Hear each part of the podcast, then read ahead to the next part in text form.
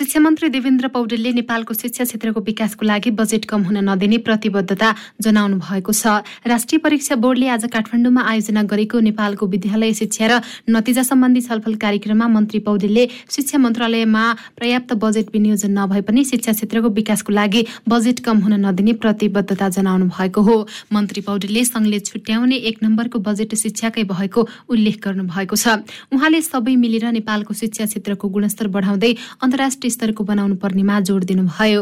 उहाँले तीन वर्षभित्र विद्यालयको भौतिक पूर्वाधार निर्माण सम्पन्न गर्ने लक्ष्य राखेको जानकारी दिनुभएको छ। दस वर्षे शिक्षा सुधारको कार्ययोजनालाई कार्यान्वयन गर्न सबै जिम्मेवार भएर लाग्नुपर्नेमा उहाँको जोड छ।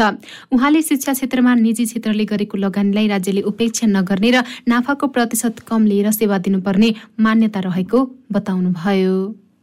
हामीले अरू सबैतिरको दिगो विकास लक्ष्य अनुरूप दस वर्षे शिक्षा सुधार योजना पनि हामी सार्वजनिक गरेका छौँ। दस वर्षभित्रमा अन्तर्राष्ट्रिय स्ट्यान्डर्डको बनाउने। हामीले यो यो चाहिँ समयावधिमा यो यो गरेका हामीले सार्वजनिक गरेका छौँ। पुग्ने भनेको त अन्तर्राष्ट्रिय स्ट्यान्डर्ड हो नि। हाम्रो देशले पनि दिगो लक्ष्य विकास तिस दुई हजार तिससम्ममा देशका सबै क्षेत्रमा यहाँ पुर्याउने भनेको छ नि। हाम्रो मापन भनेको त्यहाँ हुनुपर्छ। त्यस कारणले हामीले तिससम्ममा शिक्षालाई यहाँ पुर्याउने भनेर वार्षिक कार्ययोजना बनाएको छौँ हामीले। र त्यसलाई चाहिँ लागू गर्ने भनेको तपाईँ हामीले तपाईँ हामीले जो जो ठाउँमा हामीले जिम्मेवारी प्राप्त गरेका छौँ। हामीले त्यसलाई लागू गर्ने हो। मन्त्री पौडेलले शिक्षा क्षेत्रको पछिल्लो रिपोर्ट हेर्दा केही सच्याउनु पर्ने अवस्था देखिएको पनि बताउनु भएको छ। नेकपा एमालेका अध्यक्ष केपी शर्मा ओलीले एमालेलाई बहुमतबाट रोक्न गठबन्धन लागि परेको बताउनु भएको छ। लोकतान्त्रिक शेर्पा सङ्घले आज काठमाडौँमा आयोजना गरेको कार्यक्रममा अध्यक्ष ओलीले एमालेलाई बहुमतबाट रोक्नका लागि पाँच दलले नपुगेर आठ दलको गठबन्धन बनाउन दौडधुप चलिरहेको बताउनु भएको हो। ओलीले एमालेलाई सरकारमा जान मात्रै नभएर देशलाई माथि उठाउनका लागि एमालेको सरकार आवश्यक रहेको धारणा राख्नुभयो। ओलीले लोकतन्त्रमा प्रतिस्पर्धा हुनु स्वाभाविक भए पनि अहिलेको गठबन्धन भोट पाउनका लागि शत्रुता गर्न खोजिरहेको तर्क गर्नुभयो। उहाँले काङ्ग्रेस लौरो टेकेर पनि अगाडि बढ्न नसक्ने अवस्थामा पुगेर अरू दलको सहारा खोजिरहेको धारणा राख्नुभयो। लोकतन्त्रलाई काङ्ग्रेसले गलत दिशामा लाग लान खोजेको उहाँले आरोप लगाउनुभयो। ओलीले देशभित्रको दुश्मनीको बाह्य शक्तिले फाइदा लिन सक्ने भएकाले सबै सचेत रहनुपर्ने जिकिर गर्नुभयो। उहाँले आफ्नो सम्पूर्ण चल अचल सम्पत्ति राज्यको नाममा गरिदिएको भन्दै अरू कुनै नेताले आफ्नो सम्पत्ति राज्यको नाममा गर्न चुनौती दिनुभयो। लोकतन्त्रलाई काङ्ग्रेसले गलत दिशामा गलत मान्छेहरूको गलत नियतका मान्छेहरूको सङ्गतमा हो कि? आफ्नै नियत हो। गलत दिशामा लान खोजिराखेको छ। मैले भने प्रतिस्पर्धातर्फ होइन। प्रतिस्पर्धा भनेको लोकतन्त्र हो। प्रतिस्पर्धातर्फ होइन। दुश्मनीतर्फ लडाइँ झगडातर्फ त्यतापट्टि राजनीतिलाई कङ्ग्रेसले लान खोजिराखेको छ।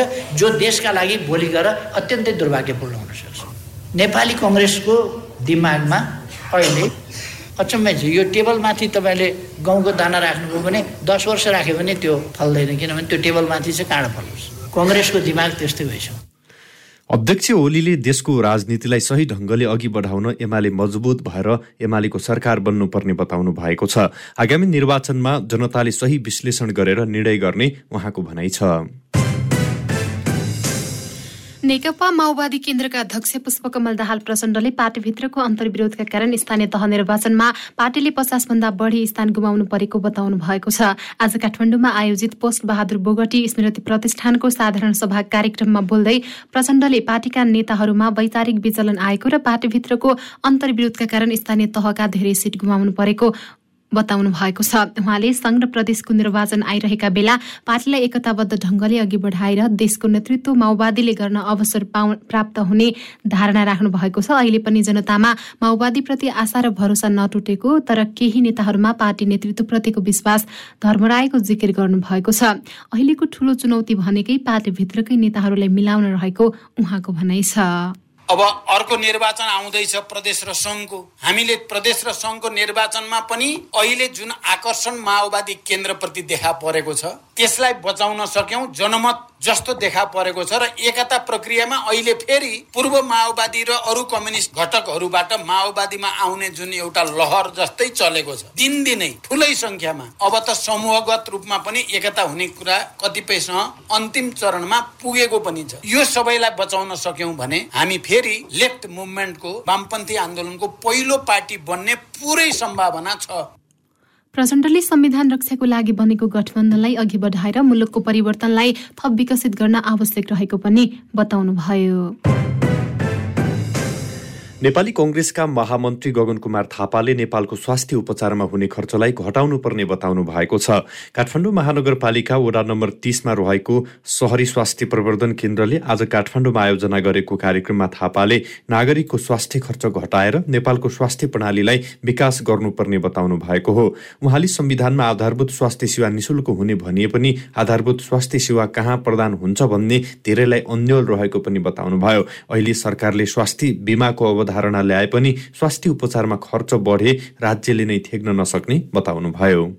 नागरिकको स्वास्थ्यमा हुने खर्च जुन छ त्यो अहिले अहिले हामी भन्छौँ नि त्यो यतिजना मान्छेले यति यति पैसा खल्तीबाट खर्च गर्छ भनेको त्यो खर्च गर्ने कुरा यदि हामीले घटाउन सकेनौँ भने अल्टिमेटली त्यो खर्च हामीले बिमामा गरेर सरकारले गर्छ भने जुन अहिले बिमा बिमा भनेर हामी भन्छौँ सबैलाई बिमाको कभरेजमा ल्याएर चाहिँ त्यसलाई खर्च गर्दै सरकारले पुऱ्याउँछ चाहिँ कसरी? पैसा चाहिँ हामीसँग कति छ? त्यसरी हामीले अगाडि नै हामीले यदि सकेसम्म स्वास्थ्यमा हुने खर्च घटाउने गरिकन हाम्रो हेल्थ सिस्टम त्यसरी बनाउन सकेनौँ। कम खर्च गर्नुपर्ने प्रिभेन्सनमै हामीले बढी काम गर्न सक्ने प्राथमिक स्वास्थ्यको संरक्षणै बनाएर काम गर्न बनाउन सकेनौँ भने चाहिँ हामी ठेक्नै सक्दैनौँ। प्रचण्डले संविधान रक्षाका गगन थापाले स्वास्थ्य बिमा कार्यक्रम निजी क्षेत्रलाई दिन नहुनेमा जोड दिनुभयो। नेपाली कंग्रेसले मंगिर चार गते हुने संघीय र प्रदेशसभाको निर्वाचन लक्षित राष्ट्रिय अभियान भदौ दस गतेदेखि शुरू गर्ने भएको छ। आज कंग्रेस पार्टी कार्यालय सानेपामा बसेको कंग्रेस केन्द्रीय कार्य सम्पादन समितिको बैठकले यसअघि भदौ दुई गतेदेखि गर्ने भनिएको निर्वाचन लक्षित राष्ट्रिय अभियान भदौ दस गतेदेखि चौबिस गतेसम्म गर्ने निर्णय गरेको कंग्रेस सहमहामन्त्री भीष्मराज आङदेम्बेले जानकारी दिनुभएको छ। यसै गरी बैठकले निर्वाचनमा पार्टीका तर्फबाट खडा गरिने उम्मेद्वारलाई उम्मेद्वार मनोनयनको औपचारिक पत्र प्रदान गर्नको लागि पार्टी सभापति शेरबहादुर देउवालाई जिम्मेवारी दिने निर्णय समेत गरेको आङदेम्बेले जानकारी दिनुभएको हो। बैठकले प्रक्रिया पुर्याए उम्मेद्वारको नाम प्रस्ताव र सिफारिस गर्नको लागि पार्टीको सम्बन्धित निकायलाई उपयुक्त समयमा केन्द्रीय कार्यालय मार्फत निर्देशन गर्ने पनि निर्णय भएको सहमहामन्त्री आङदेम्बेले बताउनुभयो। आयोजक उनासी मङ्सिर चार गति हुने प्रतिनिधि सभा सदस्यको प्रत्यक्ष र समानुपातिक तर्फको उम्मेदवारीका लागि पार्टी विधानको धारा बत्तीसको बधारा आठ क ख र ग बमोजिम तथा प्रदेश सभा सदस्यको प्रत्यक्ष र समानुपातिक तर्फको उम्मेदवारीका लागि पार्टी विधानको धारा बत्तीसको बधारा सात क ख ग र घ बमोजिमको प्रक्रिया पुर्याई। उम्मेद्वारको नाम प्रस्ताव र सिफारिस गर्नका लागि पार्टीको सम्बन्धित निकायलाई उपयुक्त समयमा केन्द्रीय कार्यालय मार्फत निर्देश गर्ने निर्णय गरेका छौँ। उपयुक्त समय हामी बैठकले मङ्सिर चार गते हुने प्रतिनिधि सभा सदस्य र प्रदेशसभा सदस्यको निर्वाचनको लागि दल दर्ता गर्ने निर्णय गरेको छ। दल दर्ताको जिम्मेवारी पार्टी मुख्य सचिव कृष्ण प्रसाद पौडेललाई दिइएको छ। राप्रपाका अध्यक्ष राजेन्द्र लिङदेलले काङ्ग्रेस र कम्युनिस्टको चक्रव्यूहबाट देशलाई मुक्त गर्न निर्वाचनलाई अवसरको रूपमा लिनुपर्ने बताउनु भएको छ। आज काठमाडौँमा आयोजित पार्टी प्रवेश कार्यक्रमलाई सम्बोधन गर्दै लिङदेलले काङ्ग्रेस र कम्युनिष्टका कारण मुलुक बर्बादीतर्फ गइरहेको भन्दै उनीहरूको चक्रव्यूहबाट देशलाई मुक्त गर्न निर्वाचनलाई अवसरको रूपमा लिनुपर्ने बताउनु भएको हो। लोकतन्त्र र गणतन्त्रको नाममा भ्रष्टाचार र लुट तन्त्र मचाएका भन्दै अबको निर्वाचनमा जनता सचेत हुनुपर्ने बताउनुभयो उहाँले मङ्सिर चार गतेको निर्वाचनलाई सामान्य नियमित प्रक्रिया मात्र नसम्झन आग्रह गर्नुभयो। लिङदेलले देशलाई सही दिशामा अघि बढाउन श्रीलङ्काको जनता जस्तो हालतमा लाठी नभई स्वस्तिक छापलाई सही ढङ्गले प्रयोग गर्नुपर्ने जिकिर गर्नुभयो। नेकपा एमालेका उपाध्यक्ष युवराज गेवालीले आगामी मंगिर चार गते हुने निर्वाचनमा आफ्नो पार्टीले एक्लै बहुमत ल्याउने दावी गर्नुभएको छ। रिपोर्ट्स क्लब नेपालले आज काठमाडौँमा आयोजना गरेको साक्षात्कारमा बोल्दै उहाँले एमालेको जनतामा ठूलो प्रभाव रहेको बताउँदै जनताले एमालेलाई नै अबको निर्वाचनपछि सरकारको नेतृत्वमा पुर्याउने दावी गर्नुभएको हो। उहाँले एमाले सरकारको पालामा भएका काम र अहिले पाँच गठबन्धनको सरकार भएको बेलामा भएको काम जनताले सूक्ष्म रूपले हेरिरहेको बताउनुभयो। सत्ता गठबन्धनमा तालमेलको विषय पेचिलो बनेको उल्लेख गर्दै उहाँले गठबन्धनमा कंग्रेससँग अरू दल निरीह बनेको टिप्पणी गर्नुभएको छ। गेवालीले माओवादी केन्द्रका अध्यक्ष पुष्पकमल दाहाल र नेकपा एकीकृत समाजवादीका अध्यक्ष माधव कुमार नेपाल कंग्रेसलाई पहिलो दल बनाउन सक्रिय भएर लागेको बताउनुभयो। नेपालको वामपन्थी जो भन्नेहरू छन् उनीहरूले वामपन्थी आन्दोलनलाई जिताउने अगाडि बढाउने पक्षमा होइन काङ्ग्रेसलाई बलियो बनाउने पक्षमा लागेका छन्। यति बेलाको उनीहरूको कार्यनीति जुन छ त्यो चाहिँ नेपाली काङ्ग्रेसलाई बलियो बनाउने कार्यनीति हो नेपालको पुँजीवादी शक्तिलाई बलियो बनाउने कार्यनीति हो र उनीहरूको काम उनीहरूको क्रियाकलाप र गतिविधिले र नेपालको कम्युनिस्ट आन्दोलनलाई कमजोर बनाउने कुरा हो र समाजवादलाई कमजोर बनाउने कुरा हो। त्यसो भएर उनीहरूले आफूलाई वामपन्थी भने तापनि वामपन्थी आन्दोलनको विपक्षमा उनीहरूले आफूलाई कम्युनिस्ट भने तापनि कम्युनिस्ट आन्दोलनकै विपक्षमा उहाँहरू लागिराख्नु भएको छ। गेवालीले एमाले समृद्ध नेपाल सुखी नेपालीको नारालाई आधार बनाएर अघि बढिरहेको बताउनुभयो। पछिल्लो चौबिस घण्टामा देशभर दुई सय त्रिसठी जनामा कोरोना संक्रमण पुष्टि भएको छ। स्वास्थ्य तथा जनसङ्ख्या मन्त्रालयको विवरण अनुसार यस अवधिमा तीन हजार एक सय पैँसठी जनामा गरिएको परीक्षणमा तीन सय दुई सय त्रिसठी जनामा कोरोना संक्रमण पुष्टि भएको हो। आज दुईजना संक्रमितको मृत्यु भएको छ। यस्तै पाँच सय एकजना संक्रमित संक्रमणमुक्त भएका छन्। मन्त्रालयको विवरण अनुसार हाल देशभर पाँच हजार चार सय चौतिसजना सक्रिय संक्रमित रहेका छन् जसमा चारजना संक्रमित भेन्टिलेटरमा एकसठीजना आइसियुमा उपचार गराइरहेका छन् भने दुई सय छजना संस्थागत आइसोलेसनमा र पाँच हजार दुई सय अठाइसजना संक्रमित होम आइसोलेसनमा रहेका स्वास्थ्य तथा जनसङ्ख्या मन्त्रालयले जनाएको छ। गृह मन्त्रालयले मिटर ब्याज सुदखोर विरुद्ध उजुरी दर्ता गराउन पीडितहरूलाई अनुरोध गरेको छ। मन्त्रालयले आज एक सूचना जारी गरी एक साताभित्र यथासम्भव बढी तथ्य प्रमाण सहित उजुरी दर्ता गराउन भनेको छ। हिजो मात्रै गृहमन्त्री बालकृष्ण खाँडले मिटर ब्याजी पीडितहरूको समस्या समाधानका लागि कार्यदल गठन गरेको थियो। सो कार्यदलका संयोजक डाक्टर भीष्म कुमार भूषालले देशैभरि मिटर ब्याजीको जालो फैलिएको हुन सक्ने भन्दै मन्त्रालयले मिटर ब्याज पीडित व्यक्तिहरूबाट त्यस्ता मिटर ब्याजीले गरेका अपराध र शोषण विरुद्ध प्रमाण सहित उजुरी दर्ता गर्न अनुरोध गरेका छन्। उजुरी सम्बन्धित जिल्ला प्रशासन कार्यालयमा गएर दिन सकिने पनि उहाँले बताउनु भएको छ। आर्थिक हिसाबले विपन्न वर्गका व्यक्तिहरूमाथि गरिएको शोषणको श्रृङ्खलाले सयौं परिवारको विचल्ली भएको मन्त्रालयले जनाएको छ। काठमाडौँको थापाथली पुलबाट बागमती नदीमा हाम फालेकी एक महिलाको उद्धार गरिएको छ। आज अपराह चार बजे ती महिलाले नदीमा हाम फालेकी थिइन्। उद्धारपछि उनलाई उपचारको लागि वीर अस्पताल लगिएको कुपन्डोल प्रहरी चौकीका जवान अनिल चौधरीले जानकारी दिनुभएको छ। उनी घाइते अवस्थामा रहेको उहाँले बताउनुभयो ती महिला को हुन् र किन हाम फालिन् भन्ने खुली नसकेको उहाँले बताउनु भएको छ। यसैबीच काठमाडौँको सुन्दरी जलमा एक पुरुष खसेर बेपत्ता भएका छन्। आज दिउँसो एक बजेतिर उनी सुन्दरी जलस्थित बागमतीमा खसेर बेपत्ता भएको जिल्ला प्रहरी परिसर काठमाडौँले जनाएको छ। बेपत्ता भएका पुरुषको खोजी कार्य भइरहेको र उनको पहिचान खुल्न नसकेको प्रहरीको भनाइ छ।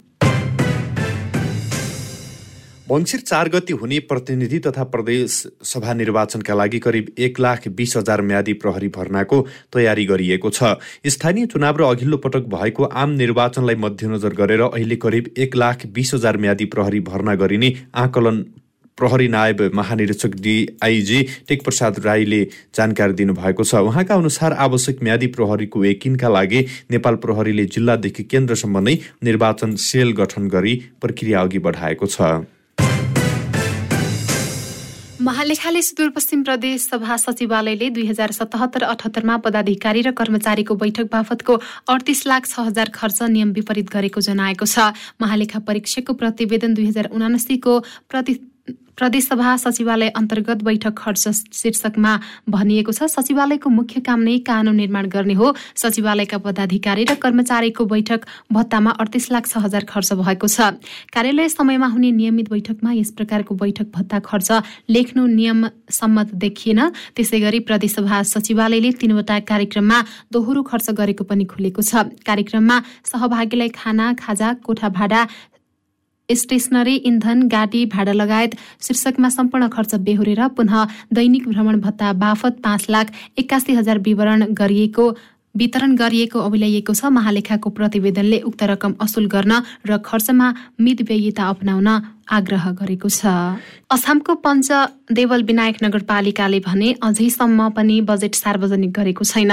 अन्तर सरकारी वित्त ऐन दुई हजार चौरात्तर अनुसार संघीय सरकारले पन्ध्र जेठ र स्थानीय तहहरूले दस असारभित्रै बजेट प्रस्तुत गरिसक्नुपर्छ। ऐन अनुसार असमका दस स्थानीय तहमध्ये नौवटाले बजेट सार्वजनिक गरे पनि नगरपालिकाको नगरसभा समेत हुन सकेको छैन। स्थानीय पन्ध्र वर्षीय किशोर विनोद शाहीको हत्याको आरोपमा नगर प्रमुख अम्बिका चलाउने माथि मुद्दा दर्ता भएपछि नगरको सम्पूर्ण कामकाज रोकिएको छ। यही कारण नगरसभा समेत हुन नसकेको बताइएको छ। नगरसभा नगर प्रमुख अम्बिका चलाउनेले बजेटको विषयमा कुनै विवाद नभए पनि पञ्चदेवल विनायक घटनाका कारण बजेट निर्माणमा ढिलाइ भएको बताउनु भएको छ। उक्त घटनाका विषयमा आन्दोलनरत पक्षसँगै केही सम्झौता भएपछि अब बजेट निर्माणको प्रक्रिया अघि बढेको बढ्ने उहाँले बताउनुभयो पञ्चदेवल विनायक घटना र स्वास्थ्यमा समस्या भएपछि उपचारको लागि जिल्ला बाहिर जाँदा केही ढिला भएको नगर प्रमुख चलाउनेको भनाइ छ। अब पन्ध्र भदौभित्र बजेट ल्याउने तयारी भइरहेको उहाँले बताउनुभयो। उहाँले बजेट निर्माण प्रक्रियाको लागि सम्पूर्ण विषयगत शाखाले तयारी गरिरहेको जानकारी दिनुभयो। पाकिस्तानको केन्द्रीय बैङ्कले पाकिस्तानी आर्थिक पुनरुत्थानले निरन्तरता पाएको जनाएको छ। देशमा बालीको उत्पादन ठूलो परिणाममा वृद्धि भएको कर सङ्कलनमा वृद्धि र निर्यात उत्साहजनक भएको केन्द्रीय बैङ्कको अर्धवार्षिक प्रतिवेदनमा उल्लेख गरिएको छ। यद्यपि विश्वव्यापी मूल्य वृद्धि बढ्दो मुद्रास्फीति र चालु घाटाले पाकिस्तानी अर्थतन्त्रलाई चुनौती खडा गरेको प्रतिवेदनमा उल्लेख रहेको चिनिया सञ्चार संस्था सिन्हाले जनाएको छ। कोभिड नाइन्टिनको सुधारिएको अवस्था र सशक्त खोप अभियानले ठूलो मात्रामा निर्वाध आर्थिक गतिविधिका लागि मार्ग प्रशस्त रहेको प्रतिवेदनमा खुलाइएको छ। न्युजमा अब अन्तर्राष्ट्रिय समाचार। भारतको बिहार राज्यको सारण जिल्लामा प्रतिबन्धका बावजुद विषालु रक्स सेवन गर्दा छजनाको मृत्यु भएको छ। पछिल्लो तीनमा विषालु रक्सी सेवनका कारण उनीहरूको मृत्यु भएको हो। गत हप्ता सोही जिल्लामा विषालु रक्सी सेवनका कारण एघारजनाको मृत्यु भएको थियो भने थुप्रै बिरामी परेका थिए। स्थानीयले विषालु रक्सी सेवनका कारण मृत्यु भएको दावी गरे पनि पोस्टमार्टमपछि मृत्युको कारण थाहा हुने प्रहरीले जनाएको छ। रक्सी व्यापार गर्ने गिरोहलाई पक्राउ गर्ने अभियान सुरु गरिएको भारतीय सञ्चार माध्यमले जनाएका छन्। गत वर्ष नोभेम्बरदेखि हालसम्म विषालु रक्सी सेवनका कारण बिहारमा मात्रै साठी जनाको मृत्यु भइसकेको छ। बेलायतमा रहेर सेफ पेसामा रहेका नेपालीहरूलाई एकताबद्ध हुन सेफ एसोसिएसन बेलायतले आग्रह गरेको छ। बेलायतका प्रमुख राज्यहरू इङ्ल्यान्ड वेल्स स्कटल्यान्ड र नर्थन आयरल्यान्डमा रहेका नेपाली सेफहरूलाई एसोसिएसनमा आबद्ध हुन नवनिर्वाचित अध्यक्ष कुलेश्वर ढकाल र उपाध्यक्ष ठाकुर प्रसाद ढकालले अपिल गरेका हुन्। बेलायतमा रहेका होटल रेस्टुराँ टेक अवे र क्यान्टरिङमा झण्डै दस हजार नेपालीहरू सेप पेसामा रहेको एसोसिएसनको अनुमान छ। प्रवासमा रहेका नेपालीहरू बीच एकता कायम गर्न र सेप पेसालाई निकट भविष्यमा प्रतिस्पर्धा मार्फत क्षमता अभिवृद्धि गर्न पनि एकीबद्धता हुन जरुरी भएको उपाध्यक्ष ढुङ्गानाले बताउनुभयो। क्यान्डेट न्युजमा अब खेलकुदका समाचार। पहिलो संस्करणको नेपाल टी ट्वेन्टी लिगको सफल आयोजनाको लागि नेपाल क्रिकेट संघ क्यानले तयारीलाई तीव्रता दिएको छ। क्यानले पहिलो संस्करणको प्रतियोगिताको लागि खेलाडी छनौटदेखि मैदान मर्मत लगायतको कामलाई तीव्र रूपमा अगाडि बढाएको हो। प्रतियोगिता सुरु हुन अब करिब डेढ महिना बाँकी छ। टियु क्रिकेट मैदानमा आयोजना हुने पहिलो संस्करणको प्रतियोगिता असोज आठबाट कार्तिक पाँच गतिसम्म हुने जनाइएको छ। लिगको गभर्निङ काउन्सिलका एक सदस्यले खेलाडी ड्राफ्टको काम अन्तिम चरणमा पुगेको बताएका छन्। वर्षात मौसमको कारण मैदान सुधारको काममा केही समस्या आए पनि गर्व गर्न लायक प्रतियोगिता बनाउने गरी तयारी भएको आयोजकले जनाएको छ। क्यानले प्रतियोगितामा विभिन्न छ सहरका छ टोलीको सहभागिता रहने जनाएको छ। क्यानले लिगमा सहभागी रहने चार टोलीको नाम र टिम मालिकको घोषणा गरिसकेको छ। इङ्ग्लिस प्रिमियर लिग फुटबलको दोस्रो चरण अन्तर्गत आज सात खेल हुँदैछन्। नेपाली समयअनुसार साँझ पाउने आठ बजे आर्सनलले घरेलु मैदानमा लेस्टर सिटीसँग खेल्दैछ। खेलमा आर्सनल लगातार दोस्रो जितको खोजीमा छ भने लेस्टर पहिलो जित निकाल्न चाहन्छ। त्यस्तै म्यान्चेस्टर सिटीले आर्सनल म्यान्चेस्टर युनाइटेड लगायतको टिमले आजको खेलमा प्रतिस्पर्धा गर्नेछन्।